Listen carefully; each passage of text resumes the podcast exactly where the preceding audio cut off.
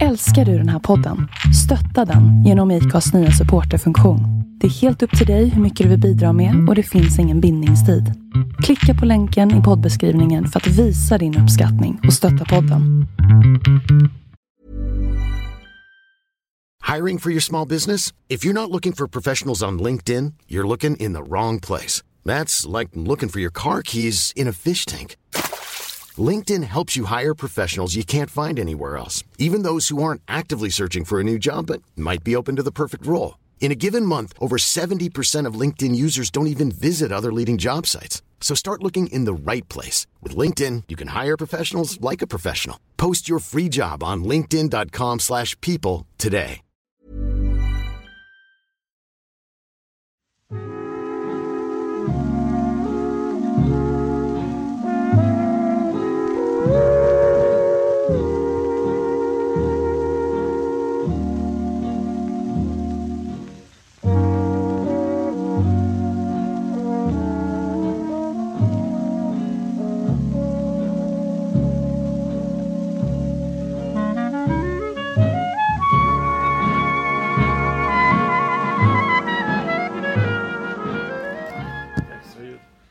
Det som är intressant med, med honom är ju helt enkelt eh, att eh, i inledningen av den här boken säger, säger han någonting om Gamla Testamentet som som eh, jag har tagit till mig ganska mycket. Och det är att han säger att att eh, man kan inte läsa Gamla Testamentet som en bok utan man måste förstå att det är någonting som, som har blivit traderat, alltså att man har det har gått från generation till generation och att det mer är liksom ett diskussionsunderlag. Liksom. Ungefär som de här eh, som man gjorde med typ Efesierbrevet.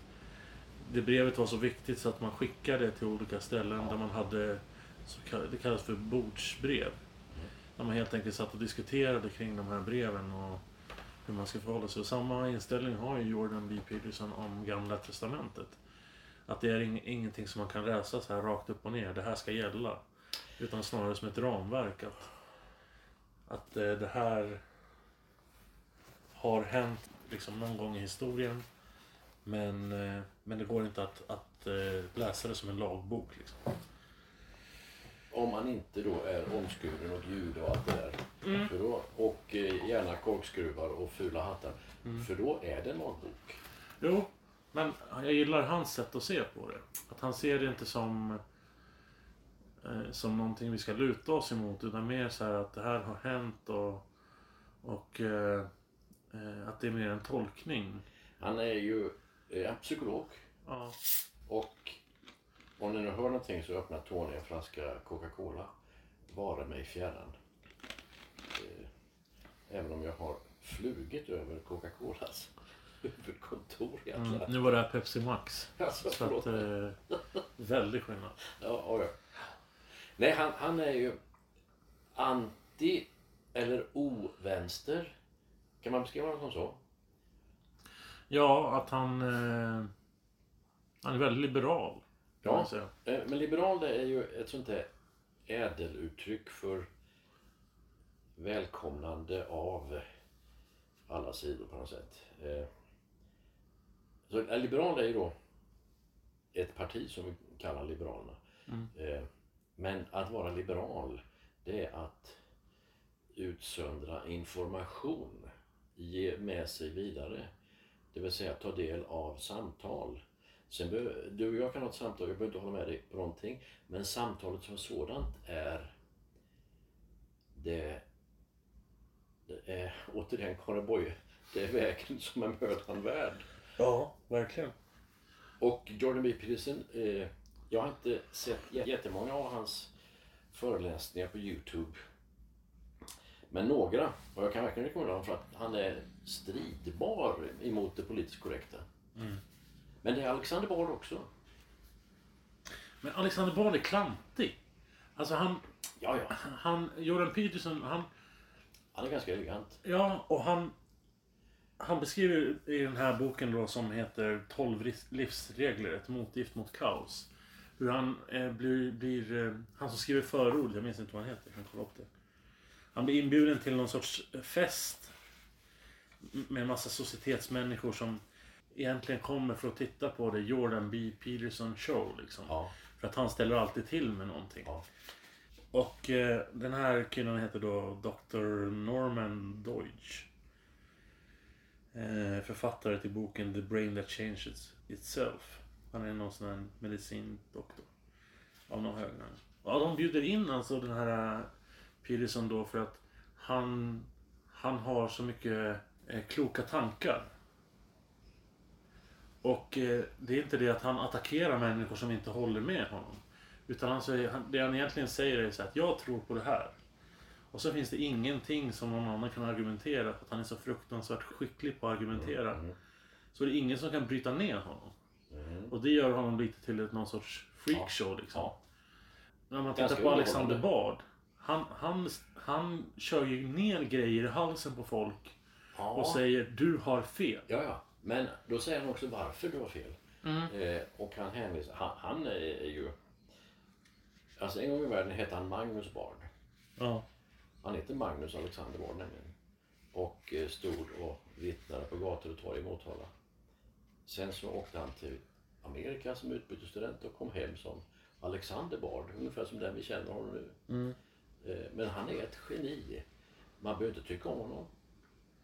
Man kan tycka till och med riktigt illa om honom. Men att betrakta honom som ett geni, det är inte fel. Ja, nej, men där Det låter som jag tycker väldigt bra om honom. Men det gör jag inte. Men däremot så tycker jag om att han också punkterar politiskt korrekta föresatser som inte minst i Black Lives Matter Mm. eh, svängen som då har blivit någon form av rasist, ras, sammankopplande eh, Men det, det är bra att du lyfter det, för att när vi ändå pratar om vänster och då är det lätt att få för sig att alla vänstermänniskor eh, på något sätt stöttar Black, Black Lives Matters. Och jag gör det inte. Jag tycker är, är du vänstermänniska? Ja, men jag har väl alltid tyckt mig till den sidan av... Ja. Eh, jag, eh, jag tycker att Black Lives Matter är det dummaste som någonsin har gjorts.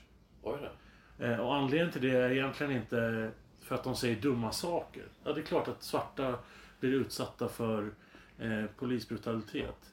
Men det är ju inte så att de åker runt och letar efter svarta. Ja, där är en svart. Nu jäklar ska vi sätta dit honom. Utan det är ju för att de, just de människor som blir utsatta, de har ju ägnat sig åt en kriminell verksamhet. Och sen gör de motstånd och så blir det knas liksom. Men sen har jag hört kanske 200, bara de senaste två veckorna, här, 200 svarta människor som säger Ja men det här, det här är bara dumheter. Det man gör det är att man förslavar sig igen. När man går ut. Ja, faktiskt. Och, och eh, eh, det finns en organisation som heter eh, någonting med Lincoln. Ja. Som gör såna anti-Trump-videos. För att... Eh, för liksom, jag har inget gott att säga om Trump överhuvudtaget. Men jag tror inte att han är en rasist. Utan jag tror att han är en affärsman. Ja. Och eh, det är så affärsmän fungerar. De, de är inte politiskt korrekta.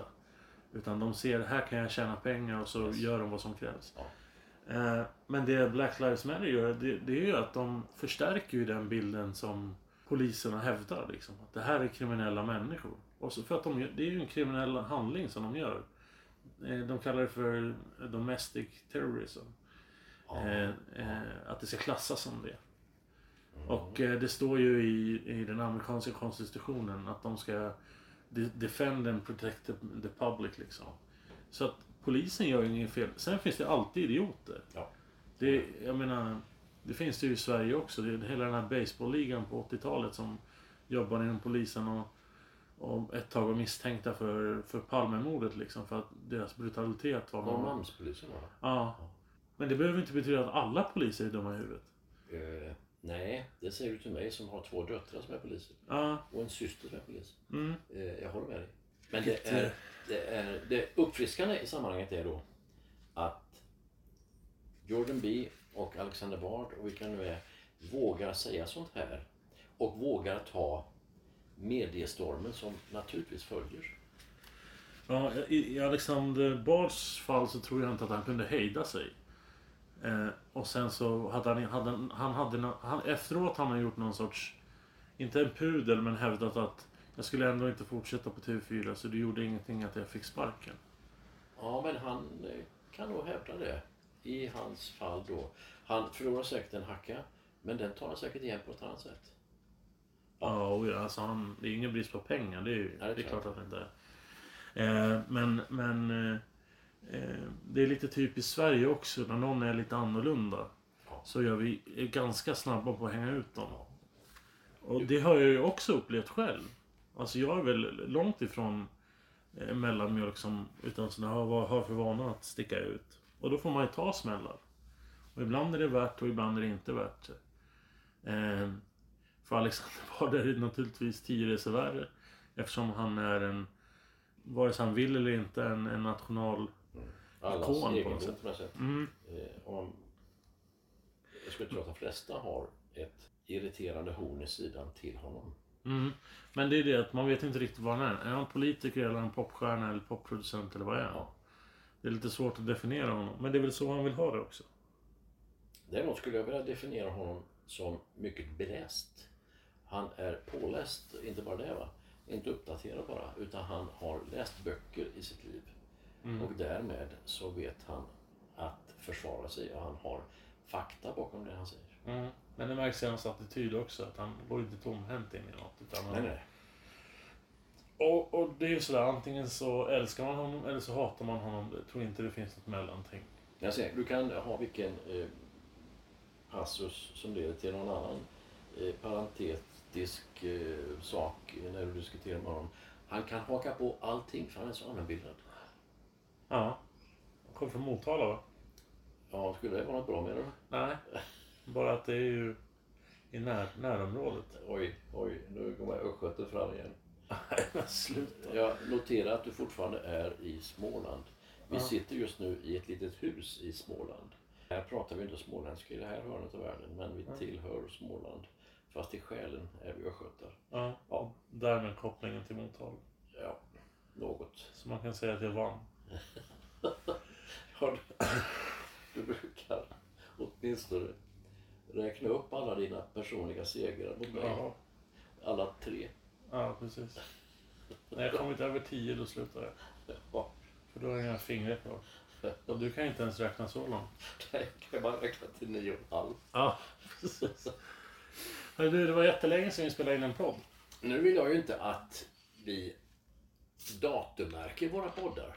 Eh, vi du kan- säger i varje podd. Ja, men vi kan ju ändå säga att det är sommar och det har varit varmt och skönt och midsommar har passerat och, och allt sånt där. Men eh, jag håller med dig, det var länge sedan vi spelade in en podd och det är inte svårt att spela in en podd. Innan, innan du satte på den där telefonen så satt vi och drack kaffe och gjorde en podd bara där. Ja.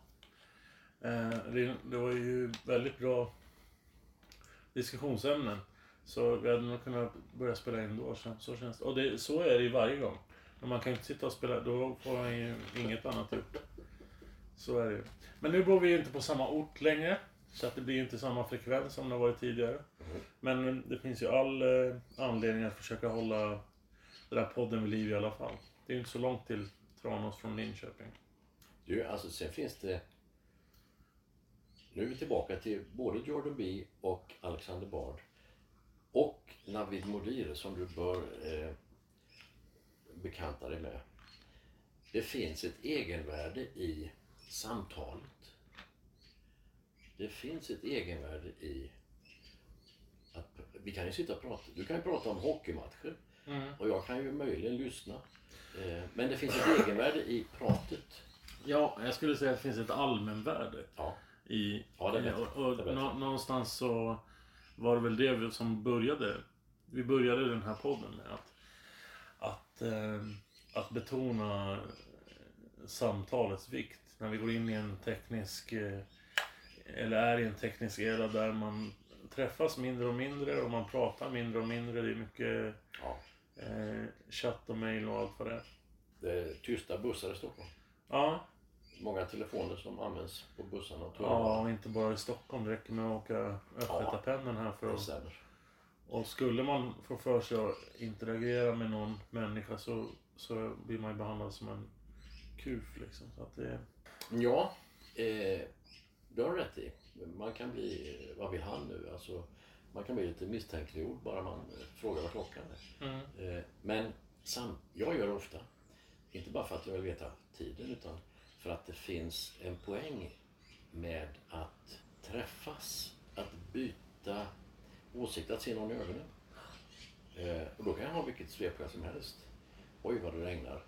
Mm. Alltså, ja, men vi har ju en, eh, en pastor som har gjort det till sin, eh, ja, sitt ja. mantra på något sätt. Han kan ju inte åka östgötapennan utan att prata med någon. Ja, ja. Och Sen- han är bra på att prata med alla. Ja.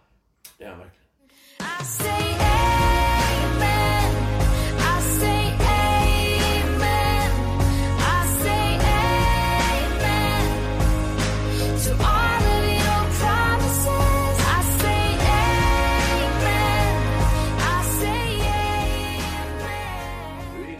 Svensk Tenn och Ullared.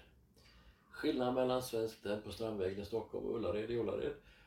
Eh, men Ullared har sitt värde. Mm.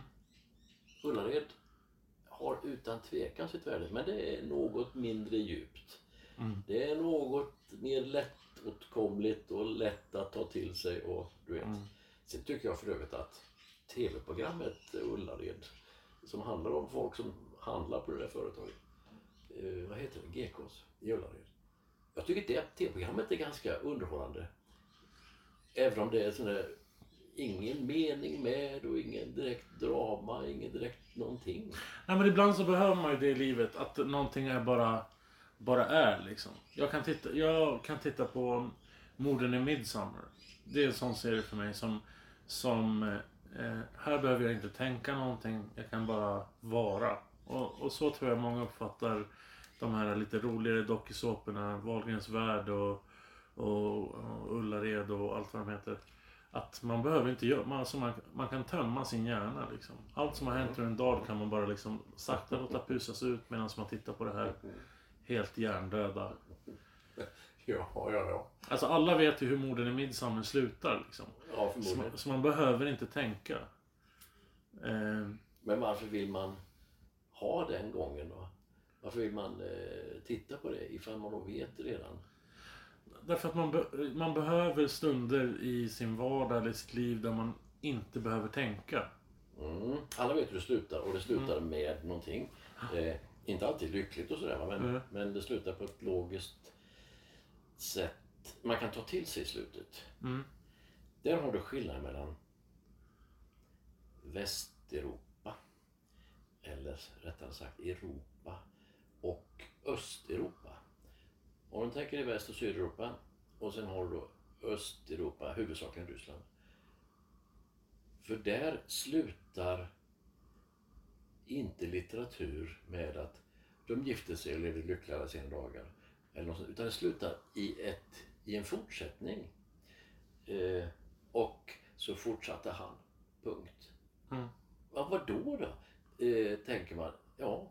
Och då är det alltså Tolstoj och Dostojevskij. Det är världens bästa författare som skriver från det här, inom konsten skulle man kalla det för centralperspektiv och icke-centralperspektiv. Eh, vad heter det andra? Det? Centralperspektivet, om du tittar på en tavla av Rembrandt eller om du tittar på en tavla av till och med Picasso, så finns det alltså en punkt i tavlan som du kan härleda allting till. Och det kan man göra med, med pilar och nålar och sådär. Eh, vi tittar på någonting alldeles automatiskt för att vi har det där inbyggda centralperspektivet. Allt medan ryssar som målar ikoner som ser ut att gå ut ur tavlan med sneda näsor. och- Alltså det, en ikon vet ju hur den ser ut. De har det omvända perspektivet. Det är inte alltså inåt mot en punkt, någon harmonisk slutpunkt i mitten, någonstans i mitten av tavlan. Utan det är utanför själva bilden. Precis som deras litteratur slutar med och de fortsatte. Jag har eh, förkovrat mig i Netflix under sommaren. Och tittat på en, eh, en ny eh, produktion utav en jättegammal finsk film som heter Okänd soldat. Som, Väinö Linna? ja, Oj då. de har gjort en ny filmatisering av den. Som Och är i, inte- i sex delar eller någonting sånt där. Det. Och där just reagerar jag på slutet. Är, det, är det ryskt? Nej, utan det är ju om finska Jo, vinterkriget. jo, men alltså är det, är det omvända perspektivet? Eh, Nej, utan det är ju... Det är ju... Det, det bara tar slut liksom. Eh, när, eh, när Finland liksom förlorat kriget. ja. Bam! Slut. Man får liksom inte veta vad händer med människorna. För det är ju något klassiskt svenskt, i svensk dramaturgi. Att man ändå får... Om, om de inte visar någonting så skriver man i alla fall. Ja, men för Evert så gick det så här och för Anders gick det så här. Ja. Där bara bam, slut. Om man, jag, jag som är van vid den västerländska dramaturgin. ja. Eh, jag blir ju nästan irriterad. ja men du är ju finsk, du borde känna... i- Ja men dramaturgiskt är ju inte finsk. Ja, Eh, och jag pratar med några släktingar också. Men, men så här är det ju alltid. Och då blir jag förbannad på dem. Att hur kan ni acceptera det här? Är något fruktansvärt. Nej, men alltså. Och den, men eh, den väckte också eh, känslan i mig. Så att jag vill verkligen läsa mer om finsk historia. För det var ja väldigt till intressant. exempel den boken bör du läsa. Ja, men det har jag gjort. Men, Hur börjar den? ja, det minns jag inte. Högt bland Sara Järves moar. Ja, ja, ja. Ordagrant kan jag inte någonting. Men, men det som jag tycker är intressant är ju det faktum att Finland får vattenskalle. De har tagit tillbaka det de har förlorat. Eh, eller det ryssarna har försökt att ta. Ja. Och så får de ändå för sig så här att nej men vi ska ta mer. Mhm. Och de forts- hade de stannat där så hade det varit över där. Ja, faktiskt. Då hade de fått behålla Karelen och allt Ja. det. Utan Men-. Så fortsätter de. Och inte bara att de fortsätter. De har plutoner som stannar kvar i de här, jag kommer inte ihåg vad de här städerna heter nu. Och lever rövare alltså. Våldtar, snor, liksom allting och verkligen Vanliga våld- finska soldater. Ja. Som stannar kvar medan de andra att, fortsätter och, och attackera ryssarna. Stannar de kvar i städer och, och liksom Det är som att man sitter och tittar på någonting som IS skulle kunna göra. Ja, ja, ja. Och att de har haft modet att ta med det i den här Är, är, det en, filmatiseringen. eh, är det amerikansk produktion? Är det Nej, finsk produktion? finsk produktion. På Netflix? Det var inte. Eh, Jag gillar inte serier men det där låter ju som jag skulle behöva titta på. Mm, och det är samma med, man tittar på, de har en deckarserie som heter Sorjonen. Som är Finlands eh, svar på Beck ungefär. Ja, ja. Också samma, så här, varje avsnitt slutar så här. Och man tänker bara, det här skulle inte ha slutat. Eller så är det så här att det ska ha slutat fem minuter innan. Men de liksom hinner påbörja en ny grej som de aldrig har... ja men det har det omvända perspektivet. Ja. Alltså på pricken. Ja, Ni är nog mer ryssar än svenskar. ja jo men så är det absolut. Absolut. Det är... Jag, jag, jag gillar Finland. Jag hackar ju på dig för att du är finne, men jag gillar Finland. Och Gunilla och jag och vår dotter Sonja var i Helsingfors. Det var, var gräsligt väder och eländigt och allt det där va. Eh, och en svår resa dit över bara. Det var förskräckligt. Det låter finskt. Men det var alldeles underbart. Och vi gjorde turistiga grejer. Åkte guidade bussar och sådär, du vet. Underbart. Jag åker gärna dit igen. Med lite bättre väder. Ja, vi hade ju, när vi var i Åbo, hade vi också skitväder. Ja, det hade vi. Kallt var det så. Ja. Och då var det ju ändå början på sommaren, eller mitt i sommaren. Eller vad. Ja, nej, jag nej, missade- augusti var Nej, september var det ju. Ja, För att jag och Isabella stannade kvar i Stockholm sen. just det. Eh, nej, men det var också sådär. Men sen vart det bättre väder när vi åkte. Jag fattar inte riktigt. Började ta det personligt. Ja, gör det. Men det är ju som eh, nu. När vi, jag har ju varit i, vår, eh, i vårt sommarhus uppe i Västernorrland tillsammans med fru och barn. Mm. Och varje gång som vi har åkt mot Sundsvall så har det spöregnat. Alltså det har inte spöregnat en enda dag förutom de dagarna vi ska åka till Sundsvall. Mhm. Börjar känna att det finns någonting i Sundsvall som inte riktigt är bra. Du, alltså Sundsvall är... Är det utanför Sundsvall som de har den här höjden som heter Flata klacken? Vet du vad jag menar? Eh, jag tror den heter Flata klack eller något sånt där. Eh, en bra bit väster om Sundsvall. Och där, just den platsen på jorden, det är en kulle, något berg av något slag. Det är Sveriges mittpunkt. Både nord-sydlig riktning och öst-väst. Eh, Man undrar hur man räknar ut det. ja, det är ju bara att ha en linjal och en karta. Eh, men där ligger då denna Flata klack, tror jag att den heter. Det får du ta och googla. sen. Nej, Sörberg är den enda höjd jag känner till. Liksom, så. Ja. Och viktigt att man säger berge. Jaså. att man säger berget. För då får man stryk av alla Sundsvallbor. Och vilket man säger Umeå och inte Umeå. Ja, Luleå och sådär. men jag har också besökt Piteå havsbad i sommar. Det är fint. Alltså, jag trodde inte att Rivieran existerade i Sverige. Men det där är ju det närmaste man kommer alltså. Ja, det är Just- vackra dagar. Ja, det känns som att man är i Nice alltså. Ja. Med strandpromenader och två kilometer sandstrand. Och Liksom. långgrunt en mil. Ja, nära, nära på i alla fall. Och tidsvatten. Ja. Jag har varit där fast det är länge, länge sedan. Eh, jo, men det får vara varmt och vackert och myrfritt och sådär. Den enda nackdelen där, det var ju att eh, det finns ju andra som uppskattar det varma vädret och, och fina stränder och sådär också. Gärna de som tycker om att festa. Så Ja. vi hade ju grannar där som stod... Eh, husen står ju så här snett bredvid varandra. Så de står och pissar mot sin egen husvägg medan vi sitter och käkar frukost liksom. Då, det, är, det, är, det är inte den stämningen man vill ha på morgonen. Liksom. Då är det... Eh, Men det är imponerande att de orkar hälla i sig så mycket sprit alltså. De börjar någon gång så här halv sex, sju på kvällen och sen så fortsätter de ju under hel, liksom halv sex typ på torsdagen och de fortsätter till söndag förmiddag. Sen åker de hem och sover. och det är sprit, alltså det är inte öl och vin. Nej, nej. Utan det Det är bara... brännvin du talar om. ja, ja, nej men det är. Det är inte konjak och dyr whisky. Nej, det är ju norrlänningar. Och jag har sett kvinnor, eh, tjejer alltså som är åtminstone tio år yngre än mig, stå och dricka eh, sprit så här rent. Oj. Som att, ja de är nog mer, mer män än både du och jag. Ja. Så att, Det eh, finns någonting fördärvligt med sprit. Och det är ju inget särskilt anmärkningsvärt. nej. Ganska tråkig eh, mening, sentens. Det är något fördärvligt med sprit. Mm. Men det jag menar är att om du tänker dig dryckeskultur. Mm. Då plötsligt så är det lite positivt det ordet. Det kan ju vara lika mycket alkohol ändå.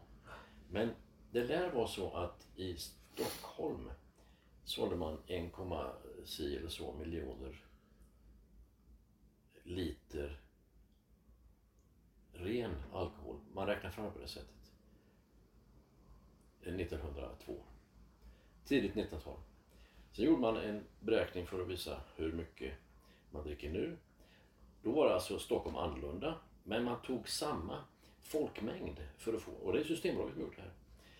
Och fick 1, eh, y miljon liter. Alltså en nästan likadan, något mer men inte mycket mer än 100 år tidigare. Eh, I Stockholm med samma befolkningsmängd som mättes. Men skillnaden var att 1902 så var det lite spesat. Då såldes 64 liter vin. Ja, det lär vara lite mer nu. Ja, och där har du alltså dryckeskulturen. Då var det ju bara berusningsmedel, rusdrycker, brännvin, Tiodubbelt renat, Lars Olsson Smith på Reimersholme. Det var bara rent brännvin som såldes då, 100 år tidigare. Och nu var det alkohol eh, i allsköns former. Och därmed något mindre social, socialt fördärvligt. Något mindre, färre antal slagna fruar, färre antal nerrivna tavlor på väggarna. Ja, du vet. Det är märkligt det där. Eh, vin och öl är ju på något sätt accepterat på något Ja. sätt. Eh, Medan eh, sprit är ju fortfarande sprit på något sätt. Det är, Ja. det är en problemvara på något sätt. Om du inte går över till att kalla det för rökig skotsk whisky, dyr fransk konjak. Ja. För att, det är inte bara för att det är dyrare, utan då blir det plötsligt lite mer balanserat och eftertänksamt drucket. Då dricks det av andra skäl. ja, i alla fall illusionen är det. Ja, ja, oh ja. Eh, Man kan ju supa sig fördärvad utav dyr japansk whisky. Men tillåt mig att fortsätta min Ja, förlåt sommarberättelse. Förlåt mig. Förlåt mig. Eh, vi har ju då hus i eh, något som kallas för Höga Kusten. Ja, mycket vackert. världsarv. Ja. Och eh, vi har ju... Eh, och eh, under den här perioden har jag också gift mig till min äkta man. Hur känns det? Det känns fantastiskt på alla möjliga sätt. Till och med det. Men man ska veta så här att när vi träffades så var inte hon kristen. Och det har hon blivit. Och det har hon blivit. Du, alltså nu talar vi om fantastiskt med stort F. Ja, och det som är... Det, alltså det, vi har haft jättelånga diskussioner, jag har förklarat, vi har tittat på filmer tillsammans som varit dramatiserade och sådär. Och det har liksom fått henne... Hon har varit väldigt andlig innan. Hon kommer Ja. från Indien. Eh, så att eh, det, det har hon fått med, med modersmjölken. Så att, men eh, har... Det första hon sa till mig då när vi började prata om det här, det var så här, "Ja, men jag kan inte tro på en person. För att det är så det blir presenterat till henne. Ja. Att Gud är en person. Mm. Och sen har vi pratat mycket och, och sen var vi på ett ställe som heter Rotsidan. Eh, I Kramfors, där högkusten. Och då knackade de mig i princip på axeln och sa så att Nej, nu tror jag på Jesus. och så då, jag hade ju inte förväntat mig att det skulle komma där. Och hennes argument var i princip att Ja men det här som är här. Det är, det är skapat av någon. Ja. Det här har inte bara hänt. Ja. Och det har ju vi pratat om många gånger också. Att det, här, det som vi ser runt omkring liksom. Det, det, det, det är ingen slump att det har hänt. Utan det finns en arkitekt bakom allt det här. Och sen så är det nästan så att hon har blivit mer kristen än vad jag är. Eh, hon är ju en, eh, en ingenjör och därmed väldigt sådär Hon kan Lä, ja, men läs, läser sig till det hon är intresserad av. Så hon har ju förmodligen under, de här, under den här sommaren läst eh, mer teologi än vad jag någonsin har läst. Det är så här nästan KG-nivå, skulle jag säga. eh, och, Och du började din inlästa bana som nybliven kristen efterföljare till Jesus Kristus från Nasaret med att läsa Jobs bok. Ja, Det gör ju ingen. nej. Men eh, jag tror att jag alltid, eller inte alltid, men ganska länge åtminstone, från tonåren framåt har varit kristen, men inte riktigt hittat min plats. Ja, Eh, och sen så kom jag till Lösakyrkan och, och hittade min plats ganska snabbt där. Och eh, en av de första så här, morgonbönerna som vi hade så läste Pekka någonting ur Jobs bok. ja. Och eh, berättade mer om honom. Och jag tror att jag kunde på något sätt eh, läsa in någonting i den där förtvivlan som jag själv kände. För just vid den tidpunkten så var ju livet väldigt kaotiskt. Jag hade inte koll på någonting kändes som. Och, och allting som hände var bara ren tur kändes som. När, när, när grejer föll på plats och det var problem med socialtjänst och hit.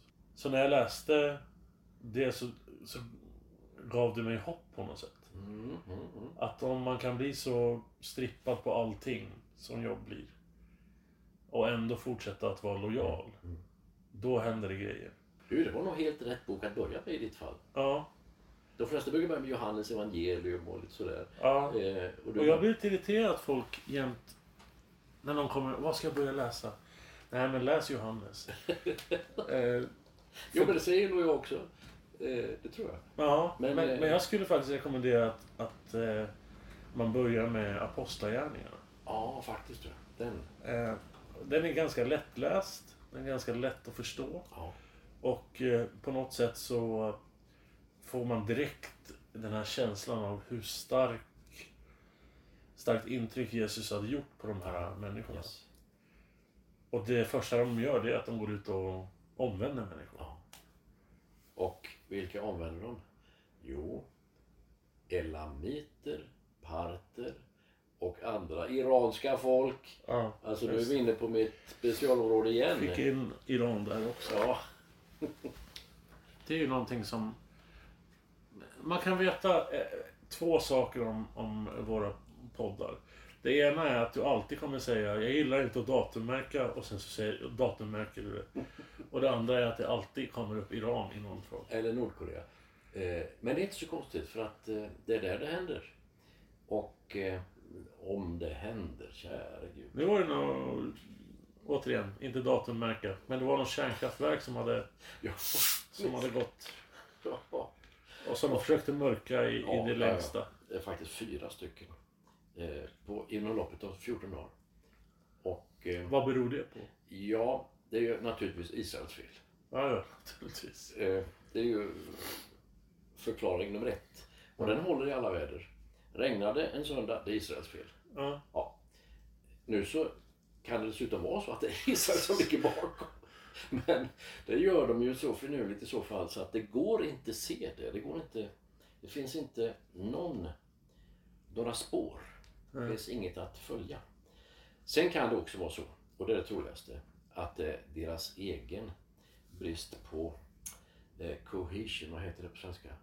Eh, sammanhållning, alltså sa- samverkande krafter. De, de är ganska lojala eh, inom militären och inom den högre teknologiska utbildningen och eh, industrin i Iran. De kämpar för regeringen, det gör de verkligen.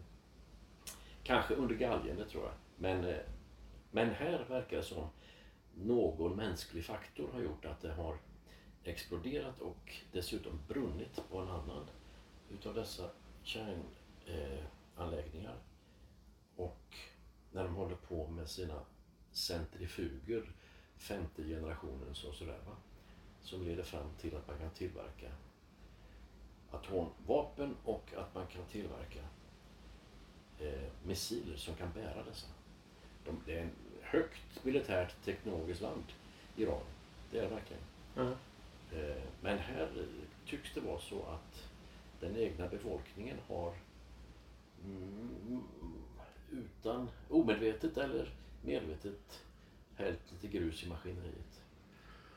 Vi har pratat om Iran många gånger. Ja. Men, och jag har ju med en dålig envishet hävdat att, att Iran är det landet som är närmast eh, att kunna omvandlas till en demokrati av de där eh, länderna i den regionen. Ja.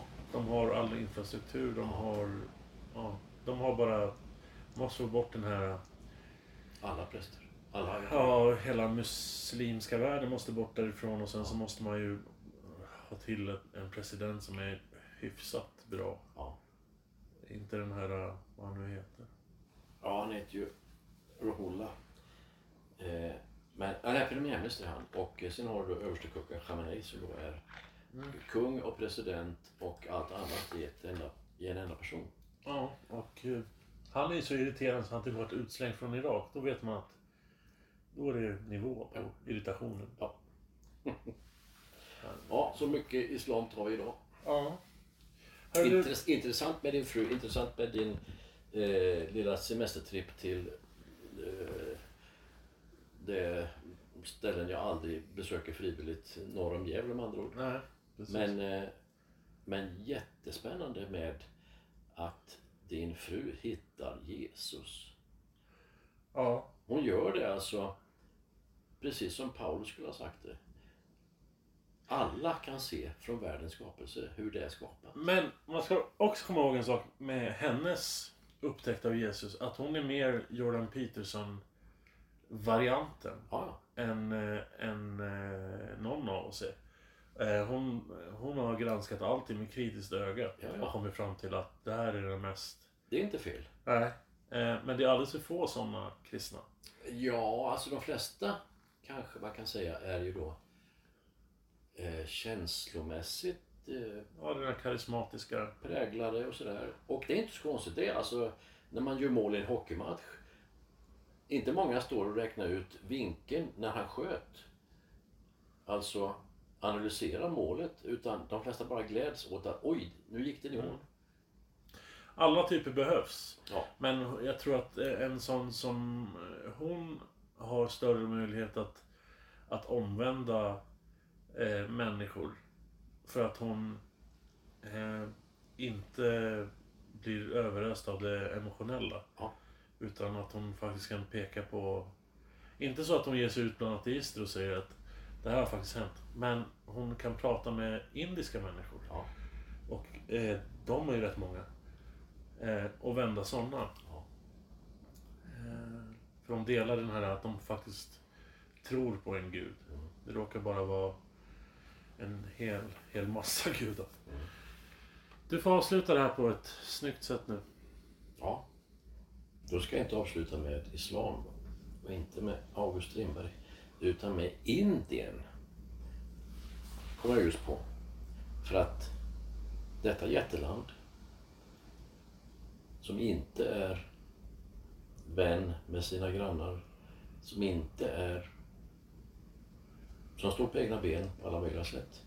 De har en ganska kraftig väckelse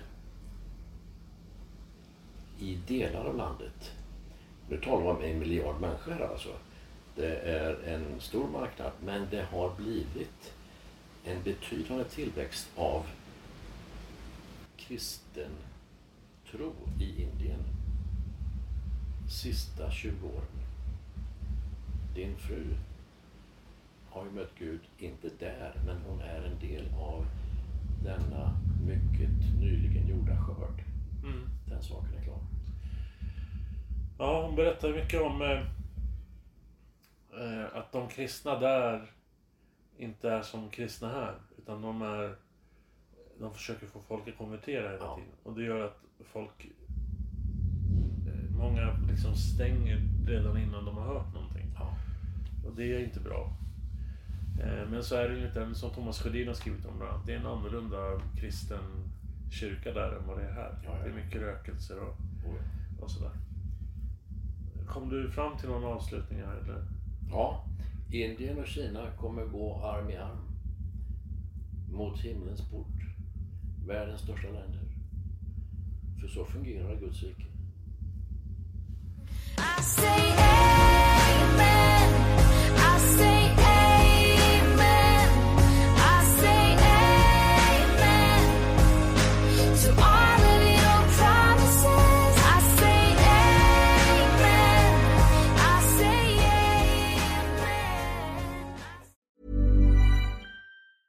Want truly hydrated skin? Medocia's Body Care Breakthrough Hyaluronic Body Serum. It's clinically proven to increase hydration by 161%. It's lightweight, fast absorbing, and delivers 24 hours of hydration for silky smooth skin without any sticky afterfeel. Treat your skin to clean vegan skincare from Osea. Get 10% off your first order with code SUMMER at OseaMalibu.com. That's O S E A Malibu.com code SUMMER.